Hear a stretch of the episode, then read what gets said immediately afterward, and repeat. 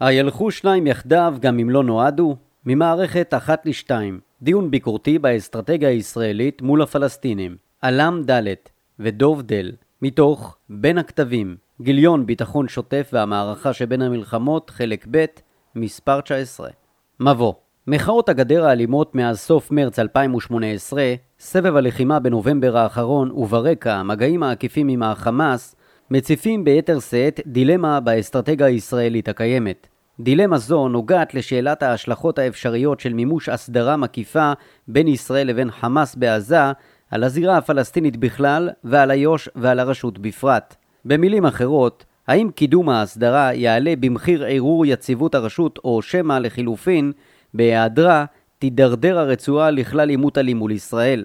לטענתנו בבסיס הדילמה פער תפיסתי שלא נידון מספיק לעומקו. התפיסה המקובלת בישראל, ובפרט במערכת הביטחונית, רואה את איו"ש ואת רצועת עזה כשני חלקים רוויי זיקות של מערכת פלסטינית אחת. בניגוד לתפיסה זו, המציאות מלמדת כי השינויים שחלו בזירה הפלסטינית, במערכת האזורית ובזירה הבינלאומית, יצרו מצב שבו נכון יותר לדבר על שתי תתי מערכות פלסטיניות נפרדות, שהזיקות ביניהן התרופפו, ובחלק מהמקרים אף לא קיימות, ואילו המתחים ביניהן התחזקו מאוד. העמידה על פער זה מקבלת משנה חשיבות עם הכניסה העתידית והבלתי נמנעת לעידן היום שאחרי אבו מאזן, הוא ממשל אמריקאי המוכן יותר לשינויי פרדיגמות. בהינתן שתפיסת שתי תתי המערכות הפלסטיניות מתארת נכון יותר את המציאות, הרי שהיא מאפשרת להניח יסודות למדיניות ישראלית נפרדת ומעודכנת לאיו"ש ולעזה, ובראשם מימוש הסדרה משמעותית בין ישראל לבין חמאס ועזה.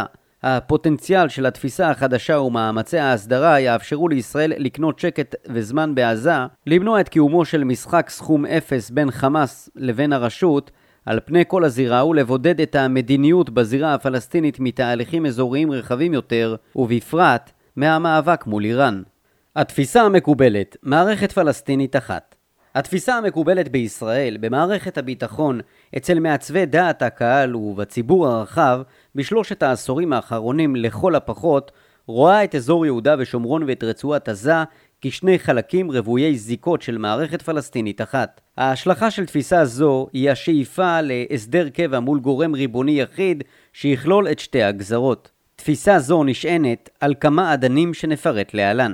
נרטיב היסטורי לאום אחד בישות מאוחדת הנרטיב ההיסטורי על אודות קיומו של לאום פלסטיני הזכאי להגדרה עצמית ולריבונות בישות טריטוריאלית אחת המורכבת מאיו"ש ומעזה נוצר בהקבלה וכתגובה לנרטיב של התנועה הציונית. לפי נרטיב זה, בחזון המקסימלי כוללת הישות הלאומית הפלסטינית גם את כל שטחי מדינת ישראל בגבולות שנת 1948 ובחזון מצומצם יותר את השטחים שכבשה ישראל בשנת 1967. הנרטיב שבמשך הזמן קנה אחיזה עמוקה במערכת הבינלאומית והאזורית הונחה לציבור הפלסטיני הן על ידי הזרם הלאומי-חילוני אש"ף לפלגיו והן על ידי תנועות האסלאם הפוליטי בהובלת חמאס כל צד בהתאם לתפיסת עולמו ולאינטרסיו. הרשתות החברתיות העניקו לנרטיב ההיסטורי חיות מסוימת בעת הנוכחית, ובהן משתקף שיח ציבורי המלמד שהוא עדיין קיים, הן באיו"ש כלפי עזה והן בעזה כלפי איו"ש. לאורך השנים עברה ההנהגה הישראלית משלילת הנרטיב ההיסטורי הפלסטיני, אין עם כזה, להכרה בו. הנגזרת המעשית של עצם ההכרה מה עושים עם זה, הייתה ועודנה שנויה במחלוקת פוליטית וציבורית, ונעה על קשת רחבה של רעיונות. אולם הרעיון המוביל שאימצו מקבלי ההחלטות בישראל מאז אמצע שנות התשעים התבסס, לפחות להלכה, על העיקרון שתי מדינות לשני עמים. נדגיש, לפי עיקרון זה, גם איו"ש וגם עזה הם חלקים של המדינה הפלסטינית. ביטוי בולט ואף מעצים לתפיסה נמצא בניסיון להגיע לפתרון מוחלט וכולל לסכסוך הישראלי-פלסטיני בכל מתווה של הסדר קבע. זהו עיקרון סופיות הסכסוך. אי לכך, פתרונות נפרדים לאיו"ש ולעזה, במציאות של אי ודאות ושל חוסר יציבות אזורית ממילא, נתפסים כסיכון גדול מדי, משום שהם עלולים להנציח תביעות פלסטיניות ולשמר את הסכסוך באופן תמידי. עניין זה התעצם נוכח התפיסה הישראלית באשר לתוצאות ההתנתקות בעזה. לפי תפיסה זו ההתנתקות בשנת 2005 הובילה לניצחון חמאס בבחירות בסוף אותה שנה מה שהוביל להשתלטות חמאס על עזה בשנת 2007 ולסבבי העימות עם ישראל בשנים שלאחר מכן.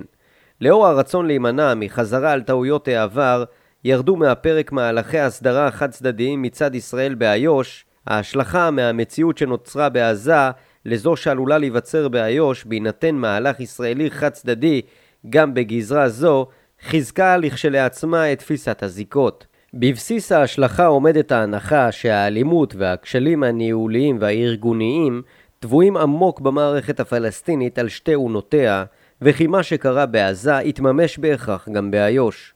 הרשות הפלסטינית כריבון יחיד במערכת, אין מדינה בעזה ואין מדינה בלי עזה. במשך כעשור נשלטו עזה ואזור יהודה ושומרון על ידי הרשות הפלסטינית כריבון אחד מאמצע שנות ה-90 עד אמצע שנות ה-2000. חרף השינויים הפוליטיים וחרף המציאות החדשה שהתהוותה בשטח, זהו עודנו הרפרנס ההיסטורי שאליו מוכוון השיח בישראל, ברשות הפלסטינית, באזור ובזירה הבינלאומית. למרות השינויים ובראשם השתלטות חמאס על עזה, עדיין קיימת מערכת קשרים וזיקות על בסיס אישי, תנועתי ובירוקרטי בין עזה ואזור יהודה ושומרון. קשרים אלה שהתקיימו אף לפני שלטון הרשות, יצרו חיבור מעשי ומעין גישור על הנתק הגיאוגרפי, כמו גם על פערים פוליטיים, חברתיים וכלכליים בין שתי הגזרות. כך, הן חמאס והן פת"ח פעלו כמפלגות פוליטיות בעזה ובאיו"ש, בעלות סניפים ברשויות המקומיות, אגודות סטודנטים ותנועות נוער, המנהיגים ופעילי השטח המקומיים היו מאוגדים תחת אותם ארגוני גג פוליטיים, כינוסים, ועידות ומערכות מימון, משכורות, קרנות, תרומות, מערכות החיים היומיומיות, כלכלה, בנקאות, מסחר, חינוך, בריאות, תשתיות, שירותים, טופלו תחת מסגרת אחת ובהכוונה אחודה. מאחר והמרכז השלטוני התבסס ברמאללה נוצרו יחסי תלות של עזה באיו"ש בהיבטי ניהול, ארגון ושליטה שמנעו נתק מוחלט בין הגזרות גם לאחר הקרע והבידול. הרשות שולטת על הכספים המועברים לרצועה ומתחזקת את מעמדה ככתובת הפוליטית הלגיטימית היחידה בכל המערכת הפלסטינית, כך פועל מכניזם עוקף חמאס המאפשר שימור לפחות להלכה של ריבונות הרשות בעזה מאז שנת 2007. נוסף על כך, ערוצי השיח הקבועים בין הרשות לבין החמאס התקיימו גם בתקופות של מתיחות חריפה ומאמצי הפיוס ביניהם חוזרים ונשנים לאורך יותר מעשור בדינמיקה כמעט קבועה. אלה קיבו במערכת הישראלית את ההנחה כי האינטרסים המשותפים לשתי הישויות הפוליטיות החלשות המצויות בצומת דרכים לגבי עתידן עשויים להביא בסופו של דבר להתלכדות מחודשת של איו"ש ועזה תחת ריבונות משותפת. סיבה נוספת להתלכדות אפשרית היא הזיקות החזקות המתקיימות בין עזה ליהודה ושומרון בהיבט הביטחוני. החיכוך האלים בין ישראל לפלסטינים, ובעיקר שתי האינתיפאדות, קיבו בישראל הנחת יסוד לא מוצהרת שלתסיסה ציבורית או לגל טרור בגזרה אחת, צפוי אפקט מדבק גם בגזרה השנייה. תפיסה זו נשענת על הדומיננטיות האישית של ערפאת כסמל המאבק הלאומי הפלסטיני, שהצליח לחבר תחת מנהיגותו את הפזורה עם הפנים ואת עזה עם איו"ש. עמוד תווך נוסף של תפיסה זו הוא הכישלון הישראלי ההיסטורי לייצר חלופה מנהיגותית ידידותית יותר בצד הפלסטינית, שתתבסס על הפרד ומשול, נוסח אגודות הכפרים. ממד אחר שחיזק את תפיסת הזיקות היה המאמץ העקבי עד היום של חמאס בהובלת הזרוע הצבאית בעזה להוציא לפועל פיגועים באיו"ש על מנת לקדם אינטרסים שלו בעזה. לאור כל זאת, גם במציאות שנוצרה לאחר השתלטות חמאס על עזה והקרע במערכת הפלסטינית, הרעיונות במערכת הישראלית שעסקו בשאלת עתידה של עזה התייחסו למכניזם כזה או אחר שיאפשר לרשות לשלוט במעברים, לשלוט במשכורות ולנהל את המגעים עם השחקנים האזוריים והבינלאומיים המעורבים בשיקום הרצועה ובשיפור רמת החיים בה, דוגמת האו"ם, קטאר וטורקיה. כל פתרון שאינו מתבסס על הבשלת התשתית הרשותית לכדי מדינה בשתי הגזרות נתפס בידי כלל השחקנים כפתרון זמני, חלקי ופחות מחייב, או לחילופין כתמרור אזהרה מפני הסכנה שבזניחת פתרון שתי המדינות, למשל פתרון המדינה האחת. אבו מאזן מתמצת תפיסה זו באמירה אין מדינה בעזה ואין מדינה בלי עזה. השפעת המעטפת האזורית והבינלאומית מצרים וירדן שלאורך שנים היוו את ליבת המחנה הפרגמטי בעולם הערבי ודחפו בעקביות לפתרון שתי המדינות ייתנו את ההתקדמות המדינית מול עזה ואיו"ש בחימום השלום הקר עם ישראל. הסכמי השלום עם מצרים ועם ירדן כרכו את פתרון הסכסוך הישראלי-פלסטיני בהלימה עם האינטרסים של כל אחת מהן. כפועל יוצא, רעיונות אפשריים לפירוק המערכת הפלסטינית נתפסו באופן מסורתי כניסיונות ישראלים לגלגל הלאה את הבעיה.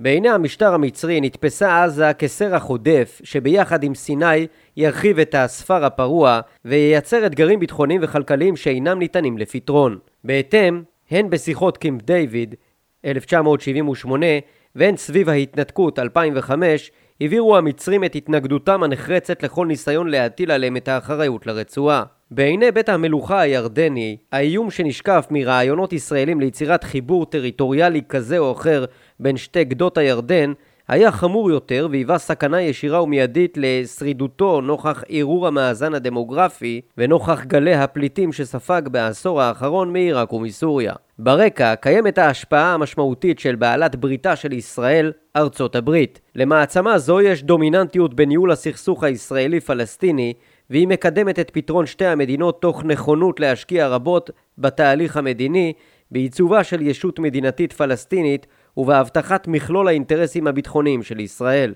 מתוך הכרה בהכרח לסיים את הכיבוש ומתוך איזון בין מקלות לבין גזרים, היא רואה את הזרם הלאומי, הרשות הפלסטינית, כמוביל הלגיטימי של העם הפלסטיני, ואת הרשות הפלסטינית כתשתית להקמת המדינה הפלסטינית בעתיד. אתגור התפיסה הקיימת למול תפיסת המערכת הפלסטינית האחת והזיקות ההדוקות בין שני חלקיה, בחינת השינויים שחלו בשטח מגלה שנפער פער עמוק בין המערכת לבין תפיסה זו שתוארה לעיל.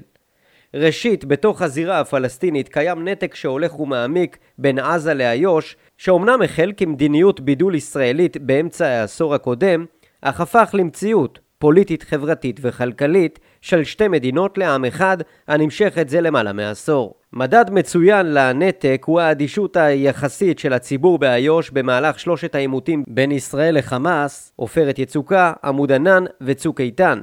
קל וחומר בתקופות של חיכוך מוגבל יותר, דוגמת המצב הנוכחי. אף על פי שהציבור הפלסטיני בשתי הגזרות עדיין נאבק במציאות של כיבוש, בראייתו גם בעזה, הרי שהאתוס של המאבק המשותף העממי מלמטה שנוצר סביב האינתיפאדות קרס. המציאות בעיתות שגרה אינה שונה. מדובר בשתי חברות שמבחינה היסטורית אין להן חוויה מעשית של חיים משותפים ושהנתק הגיאוגרפי ביניהם מגלם בדרך כלל גם פערים בין אליטה משכילה, עשירה ומסורתית light, איו"ש, לבין בני מעמד נמוך, דתיים יותר, עניים יותר ומשכילים פחות, עזה. שתי החברות הן גם בעלות אוריינטציה גיאופוליטית שונה, עזה קשורה במצרים, איו"ש בירדן. במישור הפרקטי ביותר והיומיומי, אותן זיקות מלאכותיות בין עזה לאיו"ש שנוצרו בעידן השלטון האחוד של הרשות עד שנת 2007, הלכו ונשחקו עם הזמן ולמעשה חלקן אינן קיימות יותר. הדבר נכון גם ביחס למנהיגות ולתנועות הפוליטיות. היום אין דמויות מאחדות וחוצות גזרות, ולא צפוי שיהיו.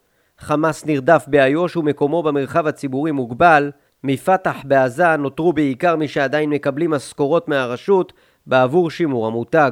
לבסוף, שחיקת הזיקות המלאכותיות מתקיימת, אם כי באופן חלקי, גם ביחס לבירוקרטיה ולמערכות השלטון, אף שהרשות עדיין שולטת בפועל בחלק מאורכי החיים המרכזיים ברצועה, אין לה דריסת רגל ביטחונית במרחב. ביטוי מובהק לניתוק בין הזירות ניתן למצוא בדיון על פיוס אפשרי. ב-12 השנים האחרונות נכשלו מאמצי הפיוס החוזרים ונשנים בין פת"ח לחמאס, חלקם הבשילו לכדי הסכמים כתובים שלא כובדו, וחלקם התפוגגו עוד בשלבי השיחות. גם אם הניסיונות מעידים על כוונה מסוימת, הרשת תרחישים של פיוס אמיתי אינם נחשבים מציאותיים בשלב זה. ואם אכן יתרחש פיוס, הוא יהווה תפנית במושגים של הערכה מודיעינית. תקופת הנתק הפוליטי בין איו"ש לעזה כבר כמעט משתווה לתקופה שבה היו שני האזורים תחת שלטון משותף של הרשות, ויש לכך השפעה רבה על שחיקת האתוס הלאומי. למעשה, העשור של השלטון המשותף הוא היחיד מאז שהמנדט שלט במסגרת פוליטית אחת בין הים לנהר. מאז ועד 1994 היו עזה ואיו"ש תחת שלטונות שונים, מצרים וירדן, ואז תחת שני ממשלים צבאיים ישראלים נפרדים, אי לכך, הערכה לפי הנתק בין הרשות לבין חמאס הינו הפיך, אינה צריכה לשמש הנחת מוצא.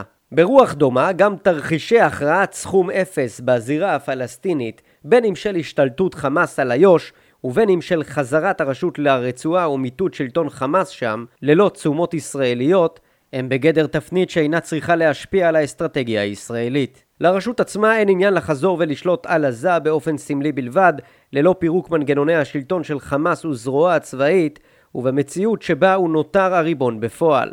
לאבו מאזן ודאי לקראת סוף שלטונו, אין עניין לאמץ לזירה הפלסטינית את מודל חיזבאללה בלבנון. בהיבט אחר, בציבוריות הפלסטינית חל שינוי תפיסה שניתן להגדירו כהתפכחות, אומנם איטית והדרגתית, מרעיונות קצה שעניינם השמדת ישראל, שהיו הבסיס המלכד הרחב של כל חלקי המערכת הפלסטינית. למעשה השלים הרוב הגדול של החברה, כמו גם של השחקנים בפוליטיקה הפלסטינית על כל גווניה, עם קיומה של ישראל כעובדה קיימת, ומבקש למצוא את מרחב הקיום שלו לצידה. השינוי מתקיים מזה שנים במציאות היומיומית באיו"ש. בדיוק כך ניתן להגדיר את היעד שאליו שואפים כיום הן בקרב ההנהגה והן בקרב הציבור בעזה, לייצר מציאות יומיומית נוחה יותר, הכוללת משכורות, סחורות, נמל ותשתיות. שינוי זה אינו משתקף בכתובים אצל חמאס, וגם לא צריך לצפות לכך. פתרון מדינתי קל וחומר, כזה המלכד את איו"ש ואת עזה, אינו הכרחי במציאות זו, ובוודאי שאינו היחיד בסל האפשרויות. בהקשר ישיר לכך, התפרקות המסגרות המדינתיות שיצרה הטלטלה במזרח התיכון חשפה את החולשה ואת המלאכותיות של רעיונות ושל פתרונות שעניינם איחוד לא טבעי בין ישויות חברתיות, שבטיות ופוליטיות נבדלות, קל וחומר כאשר אין ביניהם רציפות גיאוגרפית. חולשה זו נתגלתה בראש ובראשונה על העולם הערבי עצמו, אשר נחשף למגוון מודלים של קריסת מערכות שלטון, שנקודת המוצא שלהן הייתה חלשה מאוד מלכתחילה, לוב, תימן, סוריה, ללא ההנשמה המלאכותית הרוסית, עיראק המקרטעת, דרום סודאן כדוגמה לעצמאות חסרת בשלות, כורדיסטן הגדולה, שגם הפעם לא קמה. נוכח זאת, המגמה הדומיננטית הנוכחית באזור היא דווקא של קנטוניזציה ושל מקסום רווחים פוליטיים וכלכליים במסגרות גיאוגרפיות קטנות והומוגניות ככל הניתן. גם המעטפת החיצונית שינתה עמדותיה. העמדה המצרית ביחס למערכת הפלסטינית בכלל ולעזה בפרט עברה שינוי בשנים האחרונות. שינוי זה מהווה תוצאה משולבת של התחממות היחסים בין מצרים לישראל וההכרה בנכסיות ישראל, ההתכנסות השלטון המצרי לעיצוב הזירה הפנימית על פני העיסוק בסוגיית עזה והשינוי בעמדה המצרית ביחס לחמאס ולאבו מאזן על רקע נכונותו של חמאס להתיישר עם הבקשות המצריות אל מול הקשיים שמערים עליהן אבו מאזן. לכן אפשר שחלה שחיקה מסוימת בחרדה המצרית מפני פתרון נפרד לעזה ושלכל הפחות היא נכונה לבחון בחיוב רעיונות ברוח זו, חמאס הוא עדיין שחקן בעייתי בראיית קהיר, אך כמו בראייה הישראלית הוא נתפס כרע במיעוטו.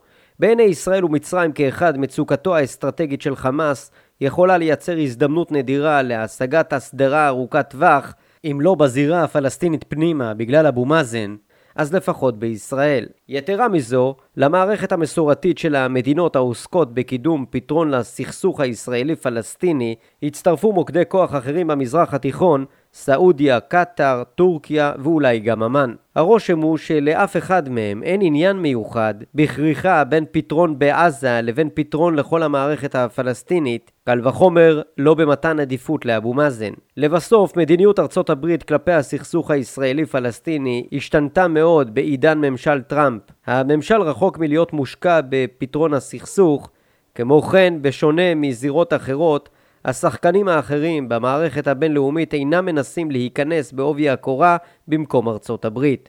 הלכה למעשה, רוסיה, סין ואירופה, שעדיין מקדשת את פתרון שתי המדינות, אינן מהוות גורם ממשי בסיפור הפלסטיני. תפיסה חדשה, שתי תתי מערכות בעלות זיקות רופפות. לאור המציאות שהשתנתה המאתגרת את התפיסה הקיימת, נכון יהיה להסיק שעזה ואיו"ש הן שתי תתי מערכות נפרדות ולא מערכת אחודה אחת. זוהי תפיסה חדשה של המערכת הפלסטינית, שממנה יש לגזור מדיניות שתיקרא מדיניות מבדילה ומתואמת. עניינה של מדיניות זו הוא להתאים את הבידול שנוקטת ישראל בזירה הפלסטינית מאז העשור הקודם למציאות של היפוך תפקידים מסוים בין שתי הגזרות. פתרון מצוקות עזה גם תחת שלטון חמאס תוך צמצום סיכונים ועיצוב מול אי הוודאות המתהווה באיו"ש. המדיניות המוצעת תכלול את המרכיבים הבאים 1. ניתוק התלות הכלכלית והבירוקרטית של עזה באזור יהודה ושומרון. כחלק מההסדרה שתגובש עם חמאס ובגיבוי מצרים והאו"ם, הרעיון הוא לייצר מכניזם עוקף רשות שינהל את כלל הצרכים השוטפים של הרצועה, מכספים ודלקים ועד תשתיות לאורך זמן, ושחיזוקו יהיה הדרגתי והפיך בהתאם להתקדמות ולהתייצבות ההסדרה בשטח. 2. עיקור היכולות של חמאס לפגע באזור יהודה ושומרון. באמצעות ריכוז מאמץ לפגיעה במוטיבציה של חמאס לפעול בגזרה זו, דרך התניית יישום רכיבים קריטיים בעיצוב הרצועה בשמירה על השקט באיו"ש, ביכולותיו, לרבות פעילותו דרך חו"ל, ובהיקפי ההיענות והשת"פ עמו של השטח באיו"ש, פגיעה בגיוס ובאיתור. 3. שימור המוטיבציה של הרשות להמשיך בפעילות הביטחונית נגד חמאס באזור יהודה ושומרון ובשת"פ עם ישראל. רתימת הרשות תחייב הענקת סל תמורות כלכליות ולכל הפחות הענקת אופק של התקדמות מדינית על בסיס עסקת המאה באמצעות ערוצים אזוריים ותוך מילוי תפקיד משמעותי על ידי ירדן כשותפה נוחה של אבו מאזן. הענקת אופק של התקדמות חלקית יותר אפשרית גם היא, למשל, על ידי עריכת התאמות ועדכון בהסכמי פריז. 4. המשך תיאום הדוק עם ארצות הברית ועם מצרים, כדי לוודא השקעת תשומות נאותה ומעטפת מדינית תומכת, לצד מניעת הקרנות של מאבקי הגמוניה אזוריים לזירה בצירי סעודיה, מצרים, טורקיה, קטאר, והרגעת חששות בירדן מפני שינוי אסטרטגי של המציאות באיו"ש. 5. העיתוי הנוכחי שבו אבו מאזן הוא עדיין המנהיג באיו"ש מהווה חלון הזדמנויות למימוש המדיניות בטרם יתפתחו הדינמיקות ביום שאחריו העלולות לייתר את הצורך של חמאס לשמר את ההסדרה עם ישראל. זאת ועוד, עסקת המאה המתהווה עשויה להוות פלטפורמה ראויה לקדם ולהכיל פתרון שכזה ולגבש סביבו מעטפת תמיכה מדינית. פוטנציאל התפיסה, הסדרה מול עזה אלוף במיל סמי תורג'מן עמד על הצורך בשינוי מדיניות מול עזה במאמר שכתב לאחרונה.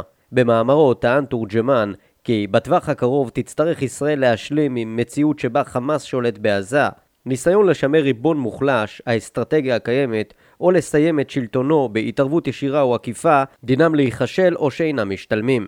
לכן האופציה הריאלית היחידה היא שיקום כלכלי לרצועה באמצעות מנגנון בינלאומי גם אם הדבר מחזק זמנית את חמאס וגורר התנגדות מצד הרשות. לשיטתו, בטווח הארוך תהיה בכך הנחת יסודות לשינוי מהותי יותר ברצועה. המדיניות המבדילה והמתואמת, כנגזרת של תפיסת שתי תתי המערכות הנפרדות, יכולה להוות בסיס שעליו תישען ההסדרה בין ישראל לחמאס. מהלך כזה יכול ליצור כמה פוטנציאלים ותגובות. עזה ההסדרה תאפשר קניית זמן ודחייה של מערכה אפשרית ברצועה תוך מניעת משבר הומניטרי שיוצב לפתחה של ישראל. השקט ברצועה של הציבור, של חמאס ושל הפלגים ברצועה יישמר חרף היד הקשה שישראל תוסיף לנקוט בתגובה נגד תשתיות חמאס באיו"ש, במקביל למאמצי הרשות מול חמאס בזירה משיקוליה שלה. יהודה ושומרון, גם אם תינקט להלכה לשון חריפה ולעומתית הן כלפי ישראל והן כלפי חמאס, ניתן להניח כי הרשות תפעל מול שתיהן בנפרד ומול מצרים כדי לוודא שתשתלב במכניזם הביצועי של ההסדרה, גם ללא פיוס וללא חידוש התהליך המדיני. זאת כדי לשמר רלוונטיות כשחקן חשוב בזירה הפלסטינית וכדי להבטיח תמורות כלכליות שימנעו תרחישי הידרדרות באיו"ש כתוצאה מההסדרה. יש להניח כי הרשות תשמור גם על מנגנוני התיאום הביטחוני עם ישראל, בין היתר לאור ההנחה שחמאס ינסה לבחון את כוחה באיו"ש, הרשות תבקש להמשיך ולהיעזר בישראל לצורך צמצום האיום החמאסי עליה, הן בהקשרים ביטחוניים והן בהיבטים פוליטיים, כמו דרישה עתידית אפשרית לקיום בחירות באיו"ש. ההערכה היא שההיערכות ליום שאחרי אבו מאזן תמשיך להתנהל בקצב איטי, ללא תלות בהסדרה. מאבקים שקטים בין היורשים הפוטנציאליים ייוותרו מאחורי הקלעים ועל אש קטנה. לצד המנהיגים המבקשים לקנות תמיכה באמצעות קו לעומתי כלפי ישראל וכלפי חמאס, תתחיל להתגבש מחדש מנהיגות טכנוקרטית פרגמטית שאינה מזוהה עם פת"ח או עם חמאס, ובבסיסה רצון לקדם מחדש רעיונות של ייצוב המסגרת הרשותית על בסיס כלכלי.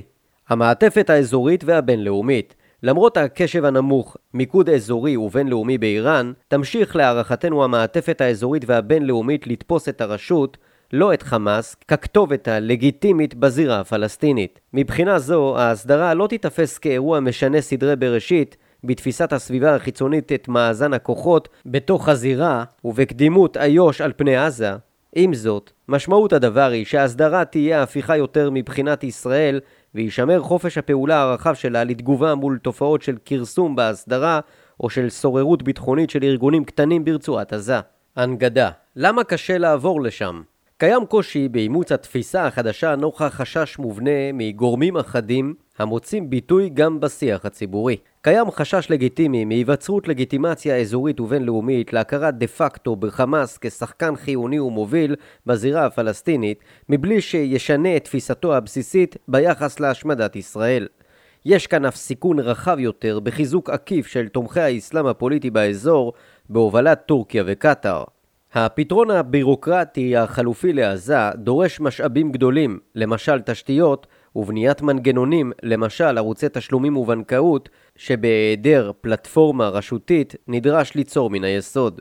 קיים חשש שאיום ההפחה מצד חמאס באיו"ש יחמיר ויחייב תשומות ישראליות רחבות. במידה ואיום זה יתקיים לאורך זמן, פוטנציאל ההסלמה באיו"ש בגלל חמאס עלול לסכן בתורו גם את יציבות ההסדרה בעזה, אפקט בומרנג. ההסדרה עם עזה עלולה להביא לערעור יציבות הרשות ולערעור המציאות ההסדרתית באיו"ש בהשוואה לעשור האחרון. איום התעצמות של חמאס ברצועה לא יוסר, ולפיכך תיתכן היערכות של חמאס לעימות עם ישראל.